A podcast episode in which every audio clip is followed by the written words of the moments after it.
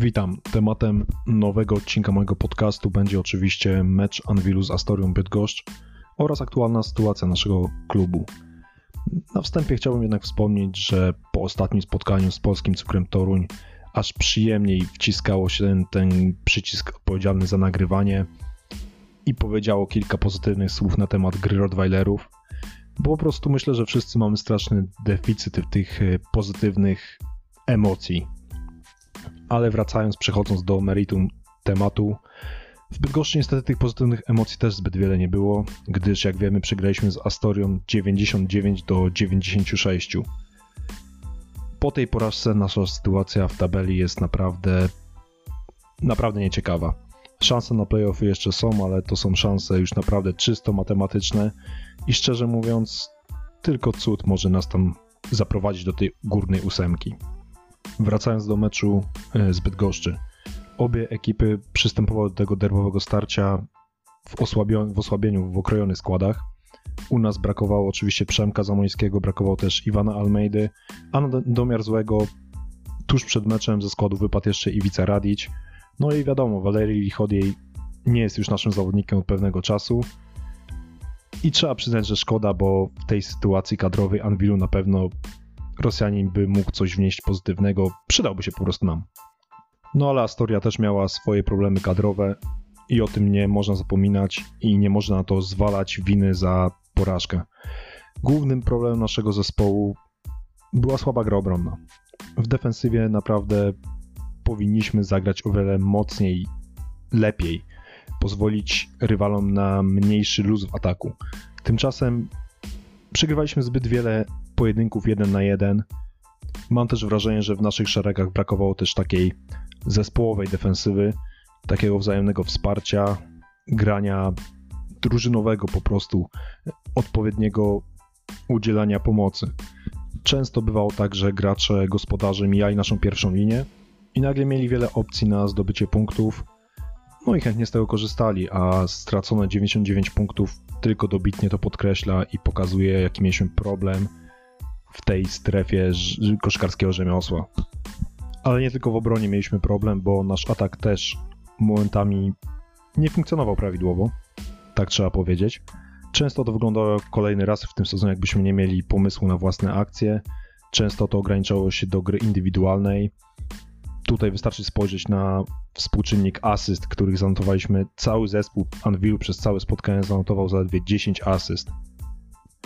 Problem był też z celnością, szczególnie w rzutach z dystansu.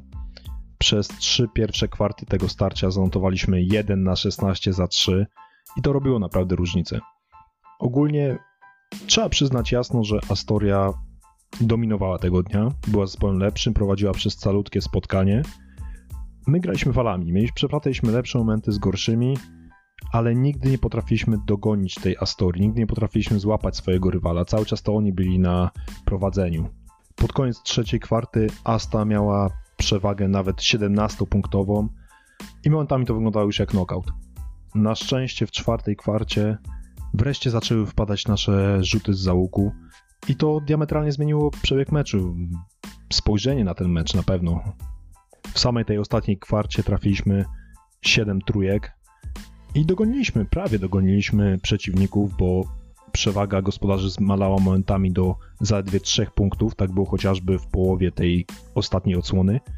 I mieliśmy swoje szanse, bo Astoria, powiem wprost, dawała nam prezenty, nie potrafiła wykorzystać, nie potrafiła nas dobić. Ale my niestety nie potrafiliśmy wykorzystać tych prezentów, nie potrafiliśmy przechylić szali na swoją korzyść cały czas czegoś brakowało. Jak zaczęły wpadać te rzuty z dystansu, to cały czas kulała defensywa. No i to nie była dobra droga do wygrania tego spotkania i zakończyło się tak jak się zakończyło, dla nas wielkim niepowodzeniem. Wręcz bolesną porażką, która naprawdę komplikuje naszą sytuację. Sytuację, która już od dawna była naprawdę bardzo, bardzo, bardzo mocno skomplikowana. No ale jak nie daje się siebie maksa, to nie ma co oczekiwać innego rezultatu. Po stronie Astorii kilku zawodników rozegrało naprawdę solidne zawody. Corey Sanders jest uważany za gwiazdę lidera bydgoskiego klubu. W meczu z Anwilem popełniał kilka takich szkolnych błędów, niepotrzebnych strat kilka zaliczył naprawdę, ale najważniejsze dla jego ekipy jest to, że strasznie mieszał naszą linią defensywną. Już na tej pierwszym, w pierwszym szeregu tworzył przewagi, mijał naszych obrońców i dzięki temu sam miał dość otwarte pozycje rzutowe albo łatwe możliwości do dogrania do swoich kolegów. W efekcie Amerykanin zanotował double-double na poziomie 17 punktów i 10 asyst. Kolejny zawodnik Michał Chyliński, znany już chyba przez wszystkich, doświadczony obwodowy, po prostu zrobił to, co do niego należało. Wykorzystał nasze błędy, punktował, kiedy mógł, mógł punktować i swój licznik zamknął na 19 oczkach. Do tego dołożył 5 zbiórek oraz 5 asyst. Zagrał w sumie podobnie jak Tomislav Gabrić. Chorwat z kolei zanotował 23 punkty i 4 zbiórki i też naprawdę przyczynił się mocno do tego zwycięstwa gospodarzy. Ale największe show urządził sobie Adrian Bogucki. Jeśli ktoś ma cały czas w pamięci epizod tego polskiego środkowego w naszych barwach, to podejrzewam, że zestawienie jego nazwiska i słowa show w jednym zdaniu brzmi niczym prawdziwy oksymoron, a tak rzeczywiście było. Bogucki po opuszczeniu Włocławka trafił do Astorii, gdzie otrzymał nowe życie. Ze względu na problemy z podkoszowymi otrzymał przede wszystkim minuty, zaufanie trenera i odpłaca się dobrą grą na parkiecie, to widać. Widać w jego poczynaniach tą pewność, której mu brakowało z czasów gry w Anvilu. A tutaj, tutaj ma pełen luz. Potrafi punktować nie tylko spod samej obręczy, ale również z wielką lekkością na półdystansie. Dodatkowo naprawdę walczy na tablicach. W meczu z nami zanotował świetne statystyki na poziomie 16 punktów, 16 zbiórek i był po prostu gwiazdą tego spotkania. Na pewno MVP tego meczu. Brawo dla Adriana. I tutaj nie ma nic więcej do dodawania. W naszych szeregach kolejny raz motorem napędowym był Kendall Dykes, który tym razem zanotował aż 30 punktów, do tego dorzucił 6 zbiórek i 4 asysty. Trzeba przyznać, że w obliczu tych naszych problemów z zespołowym kreowaniem akcji, Dykes ciągnął naszą grę bardzo często. Bardzo często zaskakiwał tymi swoimi, wręcz bombardował tymi swoimi rzutami z półdystansu czy wjazdami na kosz.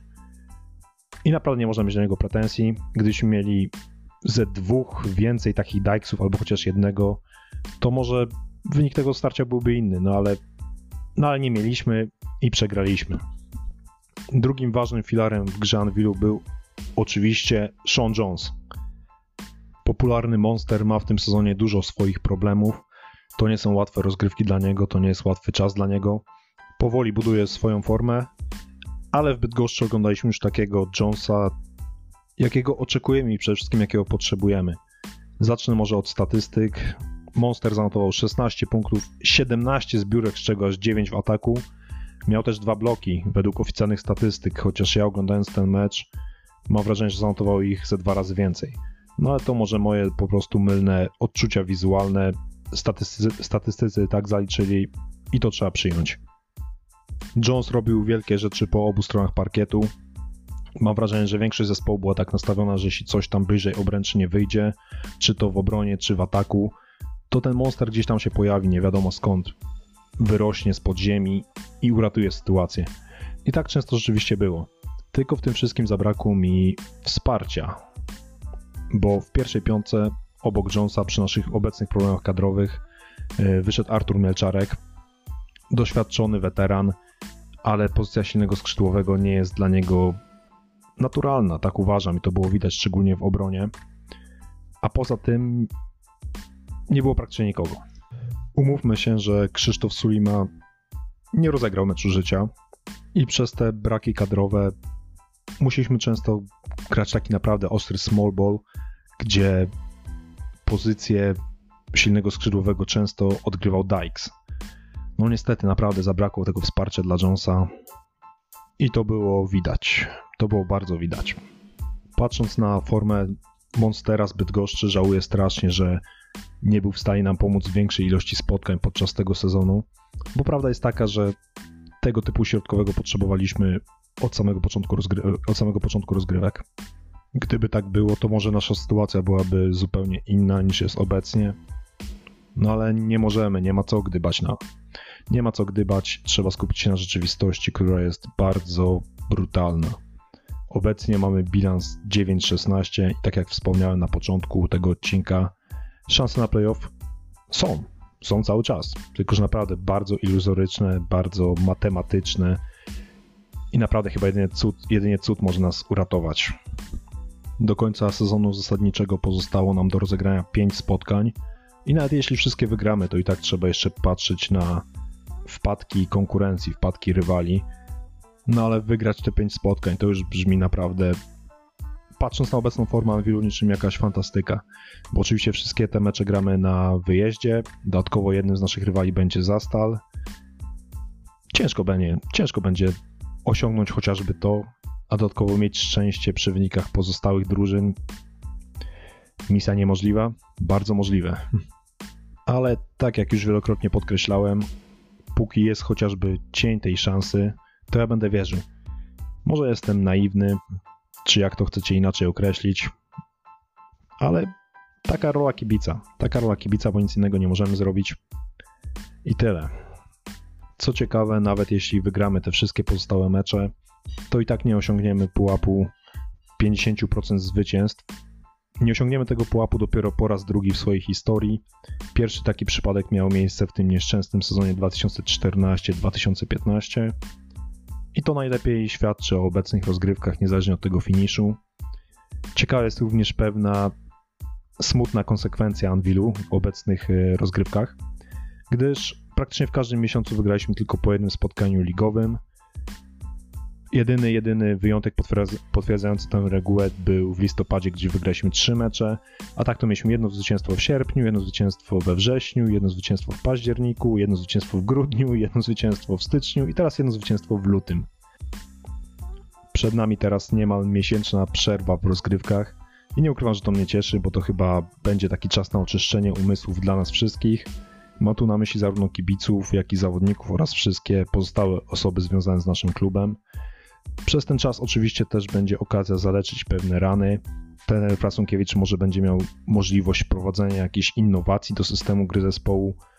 Zobaczymy, jakie będą tego efekty, no ale lekko nie jest, lekko nie będzie i zobaczymy, gdzie to nas zaprowadzi. Na dzisiaj to tyle. Dziękuję bardzo za wysłuchanie. Do następnego.